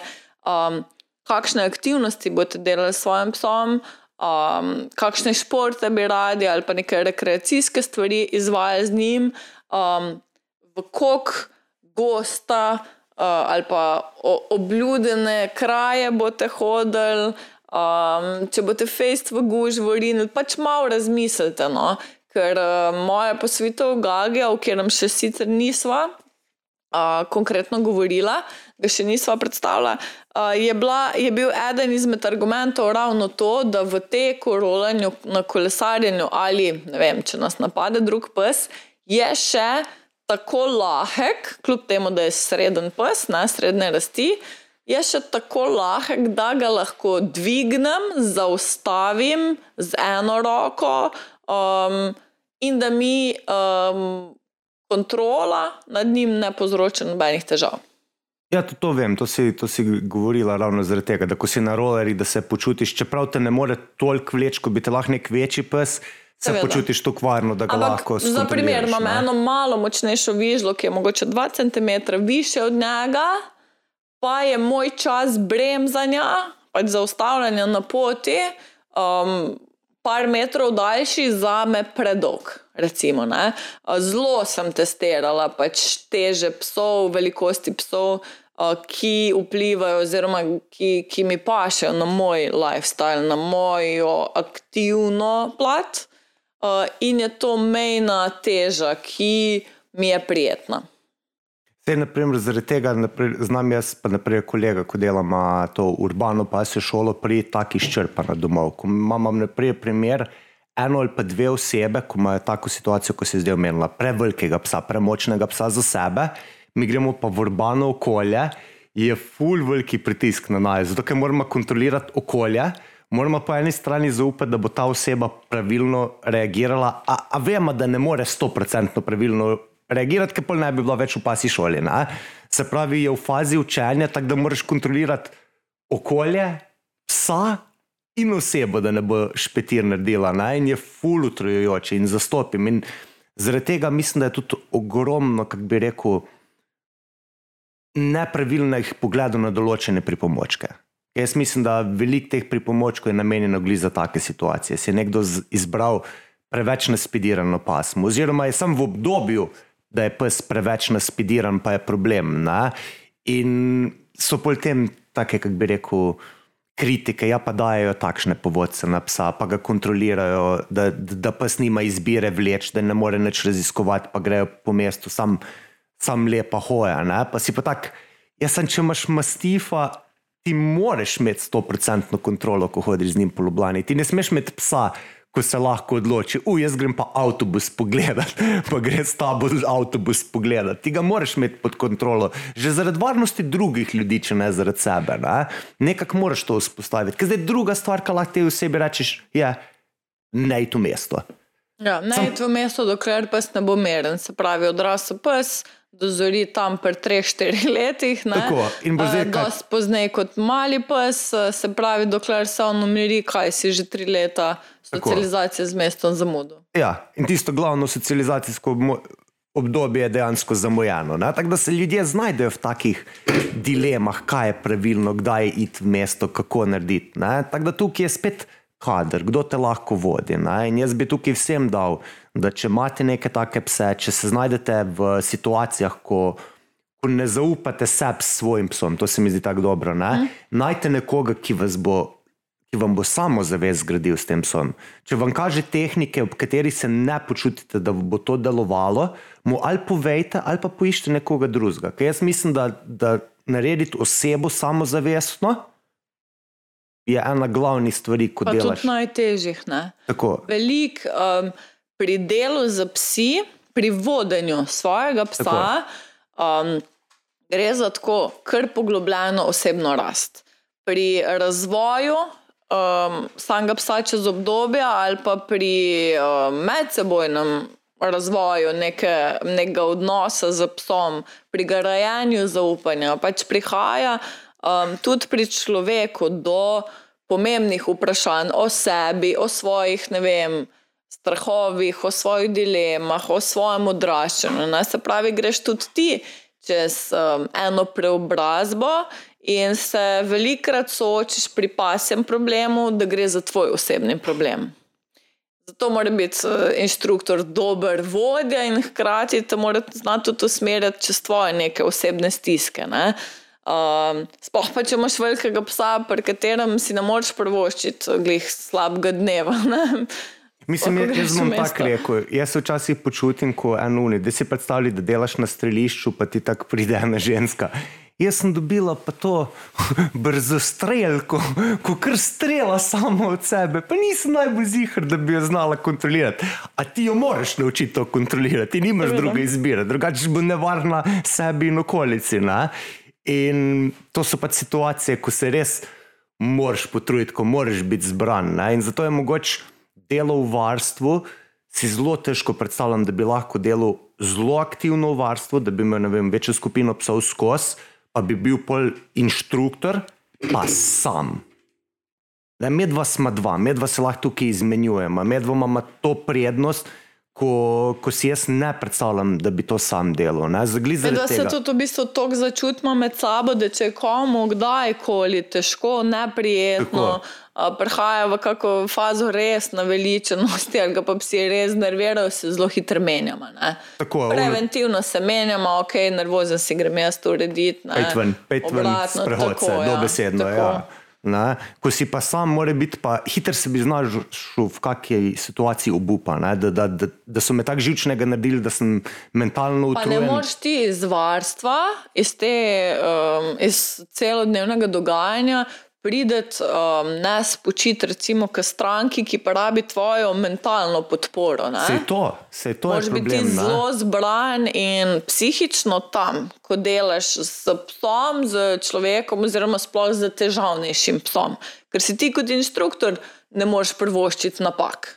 Sploh če delaš v urbanem okolju, govorim, ne govorimo na poligonu, ok. Ne? Uh, Ali pa individualna ura s perfektnim psom, nekim, ko nekdo, ko je zelo zagnan, pa zelo dela s psom. To je najlepša stvar na svetu. samo na detajle, pa na Tako. usmerjanje pozornosti. Če kar se gre največ- pa za težavnega psa, pa sploh, če se gre za neko reaktivnost, če se gre za neke stvari, ki so momentalne, ko moraš zadeti pravo sekundo, ne moreš ti ne naspan biti na uri, ne moreš ti um, ne vem, z vročino biti na uri ali pa Tako. kakorkoli. ne. Mislim, ni varno, tako bom rekel. Ne? Ker že v varstvu se pozna trenutek nezbranosti, trenutki nepozornosti lahko povzročijo pizdarje, tako bom rekel, dobesedno, da se zgodi nekaj, kar res ni treba, da se zgodi. Ne? Nek tak, A tako si si sama sam videla. povod, ja. Nisem zaprla do zboksa, nisem še enkrat preverila, bam, ne? pa imaš. Glih, kar si mesec varstva vrgel čez okno ne, z neko Ja. operacijo. Tako da že moraš biti iz te smeri pripravljen. Tako da, a misliš, da je da za varstvo, če bi, če bi bil čist sam, se pravi, da bi nekdo rekel, jaz bom pa sam varstvo imel. Misliš, da je to dobra ideja, kot delo? Mislim, uh, ja, sam, uh, če imaš varovalko, kaj je, ko si bolan, ko si ne vem. Ko imaš kako stisko na ta način, ne? kdo te menja. Po mojem, je to sa- večji problem. Vsaj ne. podporo družine. Ne? Se medva poznamo kar nekaj teh varstev, ko imajo, so same, naprimer, dekleta, ampak imajo podporo, ne vem, moža, pa familija pomaga, pa to. tako Da, Ne, pa imajo tudi v bistvu druge inštruktorje, pa ne Tako. takšne, ki jih menjajo. Jaz pač mislim, da. Um, sicer jaz se na to ne zanašam, ne, ampak eh, po drugi strani življenje je zelo nepredvidljivo ne, in eno za drugim uh, se ti lahko dogajajo razne situacije, ko res mogoče kdaj rabiš kak dan na off. Ne. Um, morate vedeti, da medva smo šla čez dve korone, čez ne vem, gripe, čez ne vem kaj vse, čez jaz sem imela neke pre, um, telele želočne kreše od stresa pred leti. In to furati, hvala Bogu, z mojo najljubšo osebo v varstvu, to se da.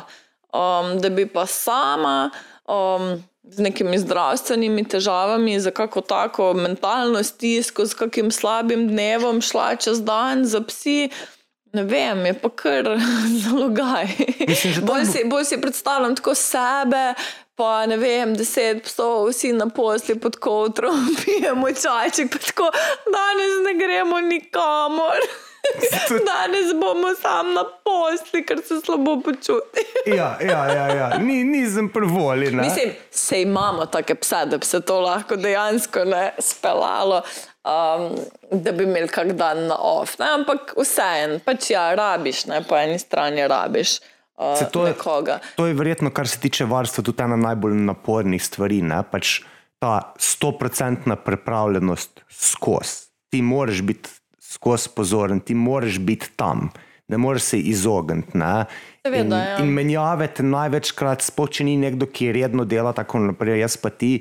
Te kar malo v stres dajo. Ne, veš, Ja, že tisto- predpriprava, um, ozadje vsake, vsakega psa, ozadje vsak, vsakih um, vezi med samimi psi.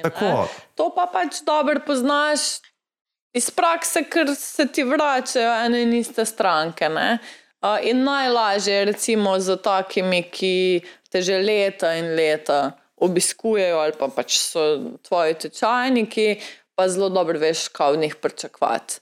Uh, recimo, um, ena izmed meni osebno najboljših praks, ena super, super ideja, tudi tako za naprej, uh, je recimo tudi Nine VPEC, ki smo ga v bistvu pred korono 2020 na začetku leta vzpostavili. To je um, najno, kako naj se izrazim, najno vračanje skupnosti, majni skupnosti popasje za zaupanje in iskrene odnose, in po drugi strani prikaz ljudem o odgovornem lastništvu, s tem, kar se ukvarjava že v bistvu s tem vprašanjem zadnjih 12 let. In sicer gre za to, da sva leta 2020 ob najni deseti obletnici obstoja iz vseh psov, ki naj jo redno obiskujejo, izbrala takrat, da se ne zlažem, izbrala 25 psov, ki so z nama od samega začetka ali pa zelo redni pri naju na najnem kavču. In sva jim podelila ta VPEC family um, prednost, uh, da v primeru kakršne koli uh, stiske njihovega lastnika, uh, težke bolezni, bog ne daj smrti lastnika, poskrbiva oziroma nas prevzameva lastništvo za tega psa. Ali pa nudimo 24-urno asistenco, v primeru, če je lastnik hospitaliziran, ne vem, v Bog na daj, spet v nesreči, karkoli tacga, mi dva sva pripravljena poskrbeti, da bo za tega psa dober zrihtan. Uh, tako da v bistvu kar nekaj psov je tako v primeru nezgode prepisanih na naju, tako da ne mhm. smemo se preveč zafrkavati, da se nama družina ne poveča. Um, Ampak ja, mislim, da je to en tako res lep prikaz, um, da bi dejansko, tako kot za otroka, tudi za psa mogel imeti nadomestno odgovorno osebo. To je bilo takrat najno glavno sporočilo tega VPK-a. Se pravi, odgovorno lastništvo pomeni, da ko in če si že izbereš psa za svojega družinskega člana, moraš v vseh primerih razmisliti tudi, kaj se zgodi, če se tebi kaj zgodi, oziroma če tebe več ni. Kdo je nadomestna odgovorna oseba za tvojega psa? Jaz sem mnenja, da v centralnem registru psov bi se lahko dopisal človek, ki prevzema nadaljno odgovornost. Um, ni pa pač v praksi še v bistvu um, bilo tega predloga. Ne? Ampak to je recimo nek, neko najno sporočilo vsem lastnikom psov v Sloveniji nasplošno in tudi konc koncem vsem um, in veterinarski inšpekciji in veterinarjem, v glavnem stroki, razmišljamo v tej smeri. Um, ker je to tudi ena izmed uh, najpogostejših uh, problemov v družbi za zaščito živali, se pravi, lastnik psa je pokojen. Um, nekih dedičev ali pa sorodnikov ni, oziroma ali so v tujini, ali pa, pa če res nima interes za psa. Uh, Um, tako da, evo, to je pa po mojem ena najnih, meni osebno, en, en, en lepših, um, dejansko iz srca narejenih uh, takih grup. Najne ljubezni, nič plačljivo, nič podkupljivo, nič vezano za ničemer. Se pravi, ne moreš se upisati v VPEC, ne moreš pristopiti v VPEC, pač ta VPEC obstaja, ko ga mi dva začutimo. Tako, mislim, Eno teh je najna čivavica Bin. Ki mi zdaj le um, liže mikrofon. je najna čivavica Bin in on je bil dejansko res en prvih, prvih psov, ki je hodil v varstvo. In tudi en od razlogov, zakaj smo imeli takrat, ko so najčisti začetki, če se to sploh da, je bil tista ekstra motivacija, ko je bil tak, hej, pa to bi mogoče pa medva res lahko delala, to pa mogoče je potencial v varstvu na domačem kavču. Ne? In jaz vem, ko se je on znašel v zavetišču, se je meni strgalo. Ta pes v zavetišču ne bo, ni šans. Pa takrat že par let ni hodil k nam, ne? zato ker se je pač spremenila situacija. Ja, ni že leta hodil k nam, ampak v zavetišču pa ne bo, ni šans, da bo tam. Takrat mislim, da je on bil povod, to je bilo mm -hmm. 2019, da smo začeli razmišljati.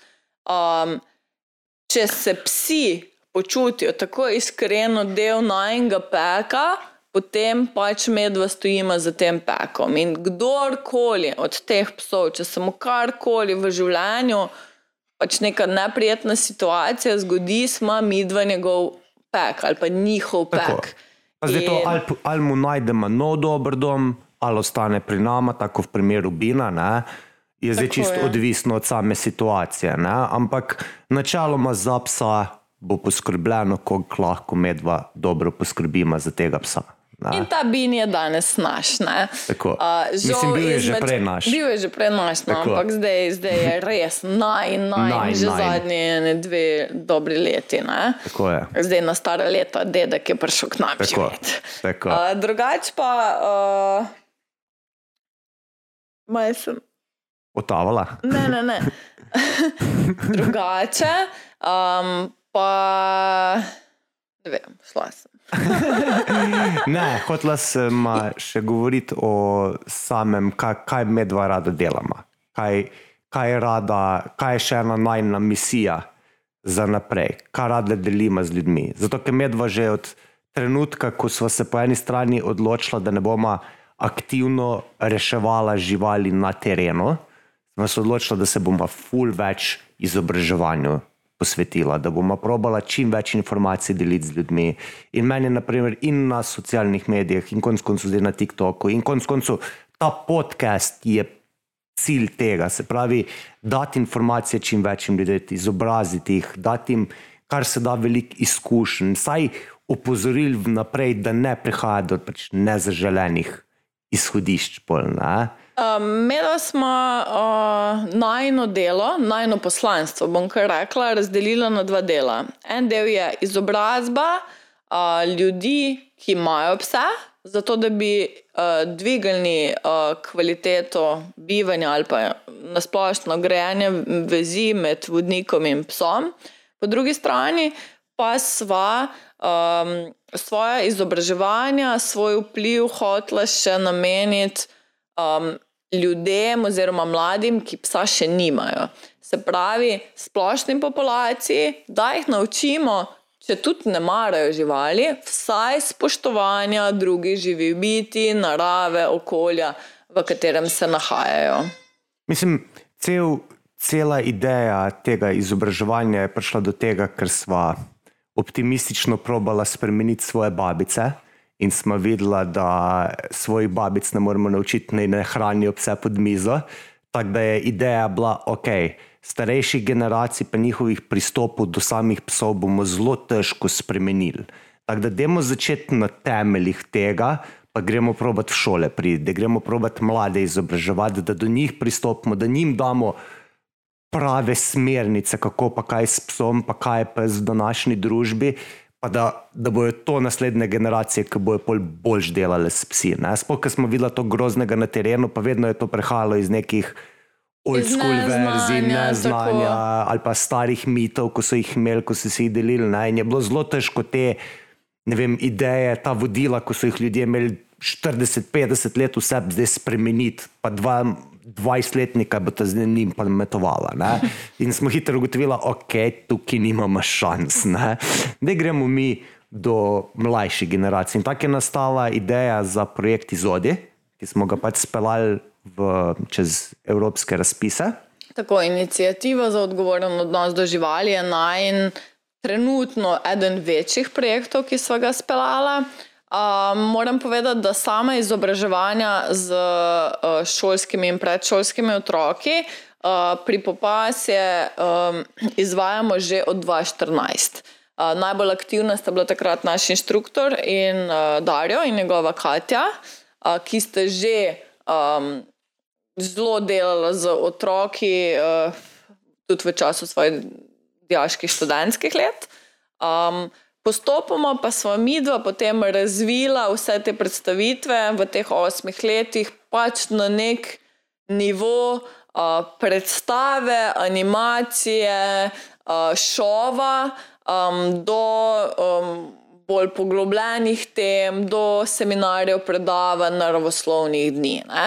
In uh, izod je bil ta najprej prvi poglobljen projekt ko sva obiskala, seveda z najno ekipo, um, okrog 40 uh, ustanov, 40 šol, vrtcev, uh, celo vrtec v romskem naselju, uh, in predavala o odgovornosti, če ima žival, o pravilni skrbi, če ima žival, po drugi strani o pravilnem pristopu do psa ki ga ne poznaš, oziroma ki bi ga recimo otrok rad pobožal, o čutilih, ki jih imajo živali. Potem smo primerjave delali, to je bilo otrokom blazno zanimivo, kako vidijo psi, kako slišijo v primerjavi z človekom. Um, tako da v bistvu. Ta projekt je bil meni eden ljubših. Imeli smo en kup aktivnosti, pač obisk v šolah in vrtcih ni bil edini, ne? ampak je bil mogoče tak najbolj viden poleg vseh drugih. Ne? Jaz se najbolj spomnim, glede samega tega izodi projekta, na kakšno razočaranje smo na začetku naletela, ker dejansko nisva dobila šol, da bi jim lahko prišli predavati, da bi jim lahko predstavitev naredili. Zelo težko je bilo vstopiti v same šole. Ne? Na začetku je bilo veliko nezaupanja, mhm. um, pač mladi smo bili, zmotivirani, ljudje nas niso poznali. Uh, vedno obstajajo tisti, kaj če ne vem pripeljejo neprimernega psa, kaj če bojo, ne vem, če je v razredu ale, otrok je alergičen na pasjo odlako, ne vem, kaj bojo rekli starši v tem smislu. Ne. Pa tukaj Zdaj je bil še pred, pred časom pač neprijeten dogodek z pač eno predstavitvijo policijskih psov. In, in je bilo zaupanje že malo skrešeno tam, ne? in je bilo treba ekstra pristopiti, ne? ekstra najti tisto osebo, ki nam bo dala priložnost. mediji nasploh izpostavljajo zelo radi, ko kak pes ugrizne kakega otroka. In, Seveda. seveda ti kot predstavnik neke šole, kot ravnatelj, kot učitelj. Se poskušaš čim bolj izogibati incidentom. Tako da v bistvu na začetku sva imela težave prideti v šole, eh, ker pa sva človeka, ki zelo rada z, v praksi pokaževa, kdo smo, kaj smo, kaj so naši cilji. Mislim, res stojimo tudi za našimi pasimi mentorji, za, uh, ki hodijo z nami v šolo. Zelo dobro vemo, katerega psa izbrati za katero populacijo, za katero starostno uh, skupino otrok. Um, da potem smo imeli pa problem od zastavljenih 10 do 12 predavanj, smo jih naredili 40. Ja, pol so kar klicali. Potem so pa šole ponorele. Uh, tako da v bistvu smo preživeli tisto leto več v šolskih klopeh, kot pa mogoče na terenu ali pa na poligonu. In, um, mislim, odziv je bil enkraten in pač vsi te vtisi so bili fantastični. Uh, tako da potem, ko smo oddelali ta dvoletni projekt z našimi partnerji, uh, smo se odločili, oziroma smo se v dogovoru še z eno lokalno šolo uh, dogovorili še za leto, pa pol. Mislim, da smo izvajali še krožek Do na korone. osnovni šoli, Tako. do korone, tako Do korona korone. nam je zdaj malo podrla te plane, ampak jaz. Uh, Se zelo veselim nadaljne vzpostavitve teh krožkov in naravoslovnih dni. Uh, No, smo pa izpeljali malega živaloljuba z občino Brežice, čez en projekt, uh, ko se je šlo pa v bistvu za otroke prvega in drugega uh, razreda osnovne šole, uh, ki so celo leto hodili k nama na krožek. In spoznali so um, ene osem različnih psov, različnih velikosti, različnih starostnih skupin, najstarejša je bila Tija, buldožer, uh -huh. uh, moja 15-letna maltežanka, uh, ki nas je učila, da so tudi psi lahko stari, da moš posebno nego, posebno skrbo starejšemu, slepemu, gluhemu psu, recimo nameniti. Se pravi, spet ta empatija do starejših mi je bila zelo zanimiva. Uh, potem so spoznali uh, enega mladička, pa uh, dve rešene kavalerke v začasnem domu smo takrat. Uh, Strašne terapevtke za otroke smo uh, imeli sabo, tako da smo se učili tudi o zapustitvi psa, um, kaj sploh odgovorno lastništvo je, veliko posvojenih svojih psov so vzela sabo uh, in tudi različnih tipov, ki smo jih lahko primerjali z delavnostjo posame, posamezne pasme. ne. Uh, Tako da. Mm, Recimo ta krožek je meni mogoče še ljubši kot izodi, ker izodi nas je razpihal po celem posavju, medtem ko to je bila pa ena šola, ne vem, par razredov, ki se je menjalo, ampak otroci, ki so radi pršili, ki so vedeli, da morajo eh, se takoj javiti, kdo bo vodo za psa prinesel, kdo bi psa na sprehod pelal, kdo bi rad, ne vem, trikce pokazal za psom. Imeli so se priložnost sprostiti, ker samo Tako. Predavanje je kratkoročno, pridejo, pobožajo kuška, morajo pravi pristop narediti. Medtem ko si pa ti v učilnici s temi otroci po kar neki ur, pa imaš skozi pse tam, pa se morajo oni naučiti samo kontrole, da ne rinejo skozi, držati pravil in se dejansko pasivno socializirajo s psi. In, in imeli res ker, ker te dejansko so otrok, otroki in psi. Najni učenci v tistem primeru. Tako, ne. Se pravi, tako. ko rečeš, usete se vsi na tribuno, so tako psi kot otroki sedeli na tribuno ne, in so mogli poslušati in biti mirni. In iz prakse lahko povem, da imeti psa v razredu je zelo terapevtski učinek na otroka, ker so bistveno bolj tiši, bistveno manj divjajo, ker se od, na prvi uri že naučimo, da imajo psi bolj občutljiva ušesa, da so bolj občutljivi na gibanje. Ne? Se pravi, gremo čez tak proces sobivanja za psom, pa če, to- čeprav je to ena ura na teden, da so otroci veliko bolj. Um, občutljivi na dogajanje okrog njih in se sami med sabo opozarjajo, hej, ne tako na glas, pa ste slišali Ja, preveč ja. dobro. Ne? To, kar smo mi dva hotla dobiti od otrok. Da sami vidijo, kako se morajo okrog živali vesti, in tudi konec koncev, če pes skoči na tebe, da veš, da rečeš ne, da stopiš Točno to. nazaj, da se umakneš v stran, da ga ne božeš medtem, ko stoji na tebi, uh, oziroma pač izsiljuje za pozornost. Ne vem, ne?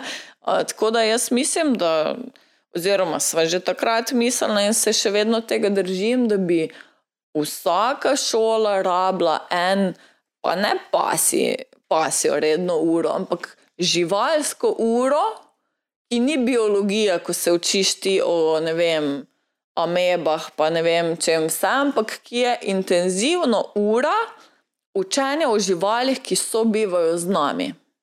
Da ne prihajaš, oprosti, Ja. da ne prihajaš v paniko, ko te nas, ko na sprehodu srečaš psa, da ne prihajaš v tako vzhičenje, da kar letiš v tujega psa, ga pozdraviti, pa čoha, čeprav ne veš, če je nevaren.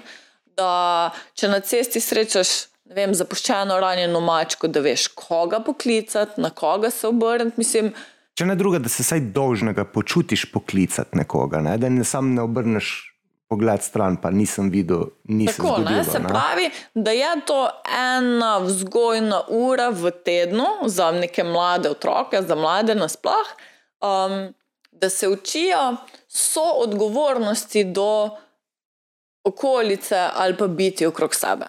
Evo, pa še največja neumnost, to vem, da sem toliko časa se jezim, še dan danes, pa bi se vas zdaj vprašal, ko poslušate to. A se spomnite v šoli, da ste se karkoli učili o psu?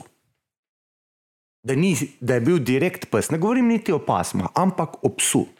Da v šolah se učimo toliko balasta nam dajo. To je pri biologiji od celic, migetalkarjev, mnogo členarjev, malo členarjev, ne vem kaj vse. Žival, ko so pa otroci, dejansko dan danes največ v stiku, poleg kakih krav, te, ko živijo na vasi, pa to se pa praktično nič ne uči. Ne? In se mi zdi, da je po eni strani, če boš ti, ne glede, če sem zadnjič rekel, da praktično ne moreš imeti, da ni nobenega v Sloveniji, ko nima soseda, ko ima psa. Pa hudiče, da moramo otroke pripraviti, kako koli psov handlati, ne? da ne prihaja do teh incidentov. Vse ogromno tega naredijo starši. Ampak to je tudi ena, ena ciljna publika, ki bi jo medva tudi ful rada dosegla. Jaz bi dal vse na svet, da dobim enkrat skupino staršev, da jim razložim, kako spoznati otroka, kaj naučiti otroka, kako pristopati k psu. ne. To, to se mi zdi ena taka ful velika želja, ko bi jo imel. Ne? Pa zelo težko je dejansko izvedeti. Ne? Eh, Zanimivo mi je mogoče tu- tudi to bilo, da ko smo se pripravljala na tako obširen projekt, uh, sva se lotila tudi nekih pedagoških knjig. Um, da vidimo, kako sploh delati za otroke, oziroma kako povezati otroke in živali.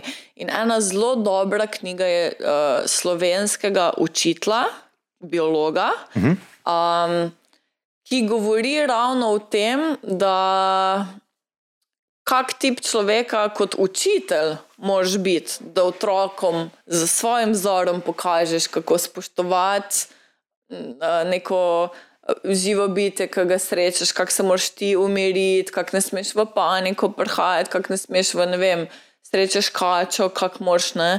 Se odzivati na te stike z živalmi, in mi je bilo zanimivo v tej knjigi ravno to, da je opisoval um, njegovo delo z drugimi pedagogi, z drugimi učitelji. Uh -huh. In da koliko učiteljic biologije ali pa nekih teh naravoslovnih predmetov se je balo svoje učence pelati v gost, ker so same se bale, ne vem, žuželk, kač, žab. Ne? In da so. Da ti kot pedagog ali pa nasplošno kot starš ne, po eni strani moraš zelo paziti uh, nebesedne um, interakcije z svetom, ki dajo največji vzor tvojemu otroku. Ne? Tako da pač se moramo zavedati, da čisto vsi dajemo neko sliko otroku, kako se vedeš v neki okolici.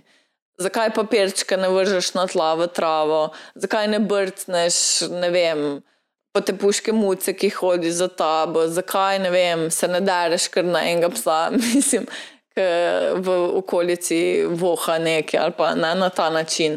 Tako da me takrat me tista knjiga me kar malo prizadela, ker sem malo mogoče živela v takem mehurčku, pa mislila, da ne vem, vsi učitelji biologije obožujejo vse živali ali pa znajo rokovati z vsemi živalmi.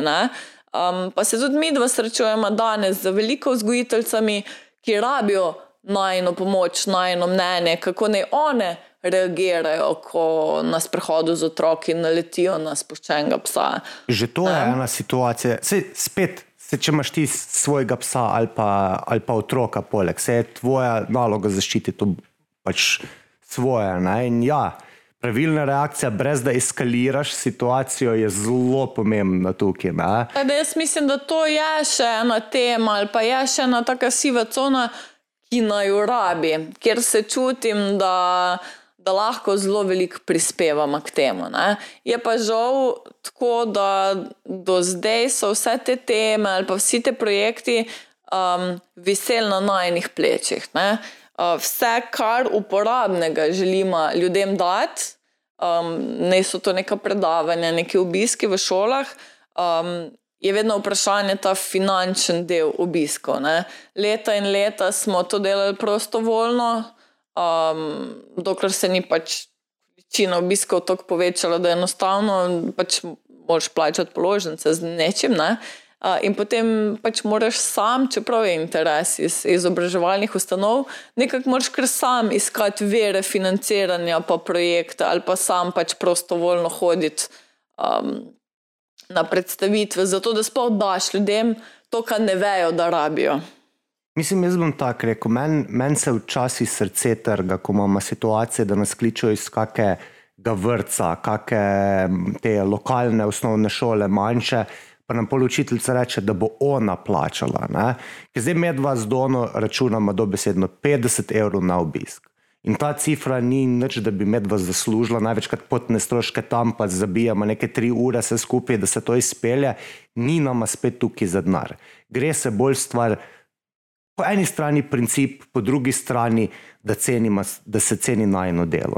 Zdaj med vas spet pridemo na to. To sta dva predavatelja, pa dva do štiri vzgojeni psi. Tako, pa pridemo pa na šolo, pa... pa kontroliramo tako. vse, pa vodimo tečaj pa to in se mi zdi totalno nefer, da bi zdaj to delali na dolgi rok, popolnoma zastojno.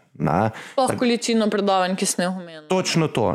In... Takrat je spet šlo za projekt, ki smo ga sama financirali, zato da smo lahko prišli v šole. Tako smo mogli prositi šole, ne? da smo, da smo sploh lahko speljali projekt. Ne? In naprimer, ena stvar, ko si jo po moje, poleg tega, da bi dostop do staršev imel, mi je dostopati bi rekel, pubertetnike. To je ena stvar, ko je praktično. Še razred osnovne šole, do srednje ne šole. moremo doseči. Pa tudi začetni te razredi srednje šole ali pa karkoli. Pač ta pubertetniški čas, ker takrat prihajajo te neumne ideje, brez razmišljanja, kako bom psa skenil, kako bom kaj naredil. Pa glih v unem času so, ko so glih dosti odgovorni za sebe, pa komi, da bi bili za psa, da še se še starše da na heca za kaj takšnega in mislim, da bi v tem obdobju lahko preprečila pol napačnih odločitev. Mogoče pa je to fokus za naprej. O, to je definitivno fokus za naprej. To mi je ena največjih želj, da bi prišel pa se lahko pogovarjal z njimi. Ker so zdaj govoriti za sedmim, osmim razredom, prvim letnikom je nekaj čist druga kot prvi pa drugi razred. Ne? Prvi pa drugi razred je bilo pol časa že pozornost njihova zadržati, narediti zabavno, narediti sploh. Narediti šov. Šov, pač to morate vedeti. Mi dva ne pridemo na obisk v šolo, Tako. pa se malo pogovarjamo, pobožamo, pa gremo. Mi dva pridemo v šolo narediti šov. Tako. In to je šov, to je ploskanje, to je vreščanje, to je Tako. euforija. Uh, ne, mislim, mi dva strašno uživamo, otroki pa predvidevam še bolj. Ne. Sej, po moje prvi koraki, ki meni je ena največjih želj, da bi se v Sloveniji vzpostavil status kinologa. Da bi se v eno to, na eno fakulteto, na eno tako ustanovo vzpostavil usposabljanje za kinologa. Ne rabi biti to glavna stvar, ampak bi bil nek status nekoga, ki se ukvarja s psi, ki je dobil tak iz biologije psa do same psihe psa neke osnovno znanje. In velikrat razmišljam, na katero fakulteto bi dejansko umestil kinologa. Ne? In vedno bolj prihajam na to, da mislim, da bi bila spet neka pedagoška smer. To. Ker mislim, da učiteljice, ko hodijo. Pedagogika, psihologija, veterina, mislim, tako povezava. Ne, So, ne, pa se, se tega, ti ne. lahko greš na veterino, pa se pač del, ko se učiš ob vseh, si na tistih predavanjih. ne. Sam mislim, da bi bolj bilo, da je zelo podobna situacija. Ne? Predrazredni, čakaj, kaj je, razredni pouk, pa naprimer psi, so dosti tisto do nekega petega leta, četrti, peti razred so si zelo podobni. Ne? In naprimer z učiteljcem, ko delam, tiste, ko že en čas delajo, hiter vidijo podobnost pri mlajših Lahko otrocih. Na-. Tako, ne, in si naredijo povezave. In mislim, da bi bila to zelo dobra praksa že za bodočo učiteljico, da nekega svojega psa izšola, pa da se poleg navadne te situacije za, vem, za razredni pouk še izobražuje za kinologa. Ne, da bi bila, bila kaj tak poleg. Ali pa da bi lahko, ne vem, psa sabo v razred nos. Pripeljala, da bi s tem, da je status kinologa, pa da si učiteljica, lahko imaš psa v razredu. Ne? Bi bila to taka zanimiva situacija Ja. za. Pa Zdaj- ogromno dela, ne? to si zdaj le v, v tako sanski, ne vem. Pusti me sanjati. No. Se, Nismo rekli, da sem jaz sanjač, ti si pa down to earth. Ja, ampak ne za vse. Pusti tudi meni malo sanjati, ne, da, da se da. Mislim, ja, sam to je tukaj sistema in logistike in ljudi in vsega v zadnji. A to je 20-letni projekt, da bi se kaj takega Predstavlja. To se boš ukvarjal, preden boš šel v penzijo s tem. Točno tako, točno tako. To je, Ne, to je nama rezervirano. pa sigurno je plan um, deliti te najne izkušnje in vse, ker vidimo um, pred 12 leti, ko smo se začela spogledovati za kinologijo z delom, uh -huh. s psi, um, v primerjavi z danes, je danes toliko več informacij, toliko več različnih stilov delanja za psi, uh, delavnic, seminarjev, webinarjev, ne vem, online šol, tečajev, res ogromno. Žal, mogoče premalo praktičnih tečajev, uh -huh. ampak vseeno um, kupica nekega znanja in izkušenj.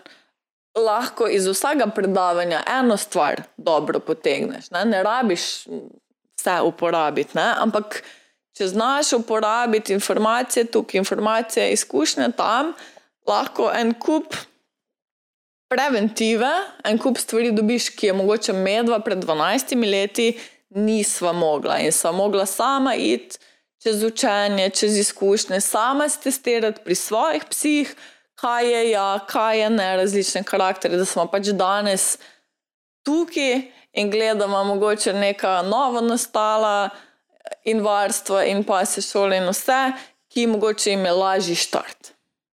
Zdaj misliš, če bi danes se odločila za varstvo, misliš, da bi na način, kak smo medva začela, bil sprejemljiv za današnji čas?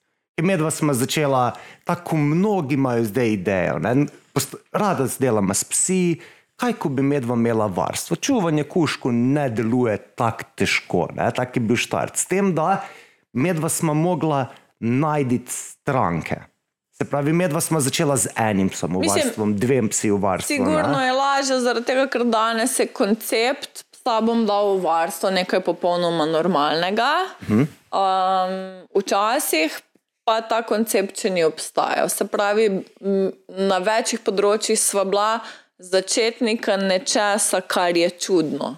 In Tako. tako, so naj tudi ljudje gledali.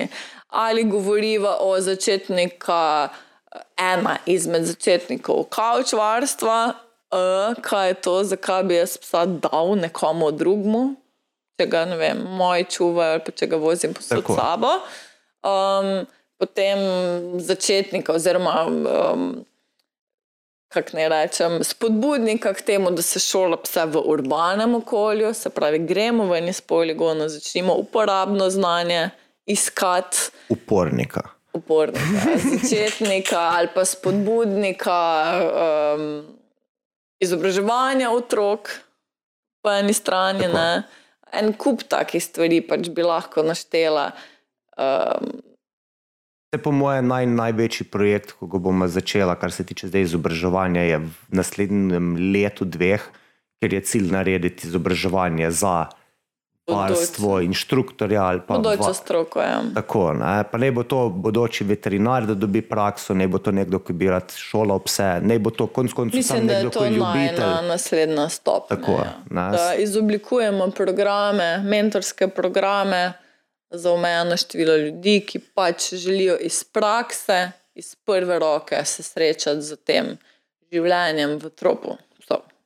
Ja, ker, ker človeka moraš izpostaviti, moraš ga dati v to situacijo, moraš živeti v tem. Če ne živi v tem, nima pravih izkušenj. Kdo sva pa mi dva brez psov? O tem bomo pogovorili naslednjič, v naslednjem podkastu. Hvala za posluh.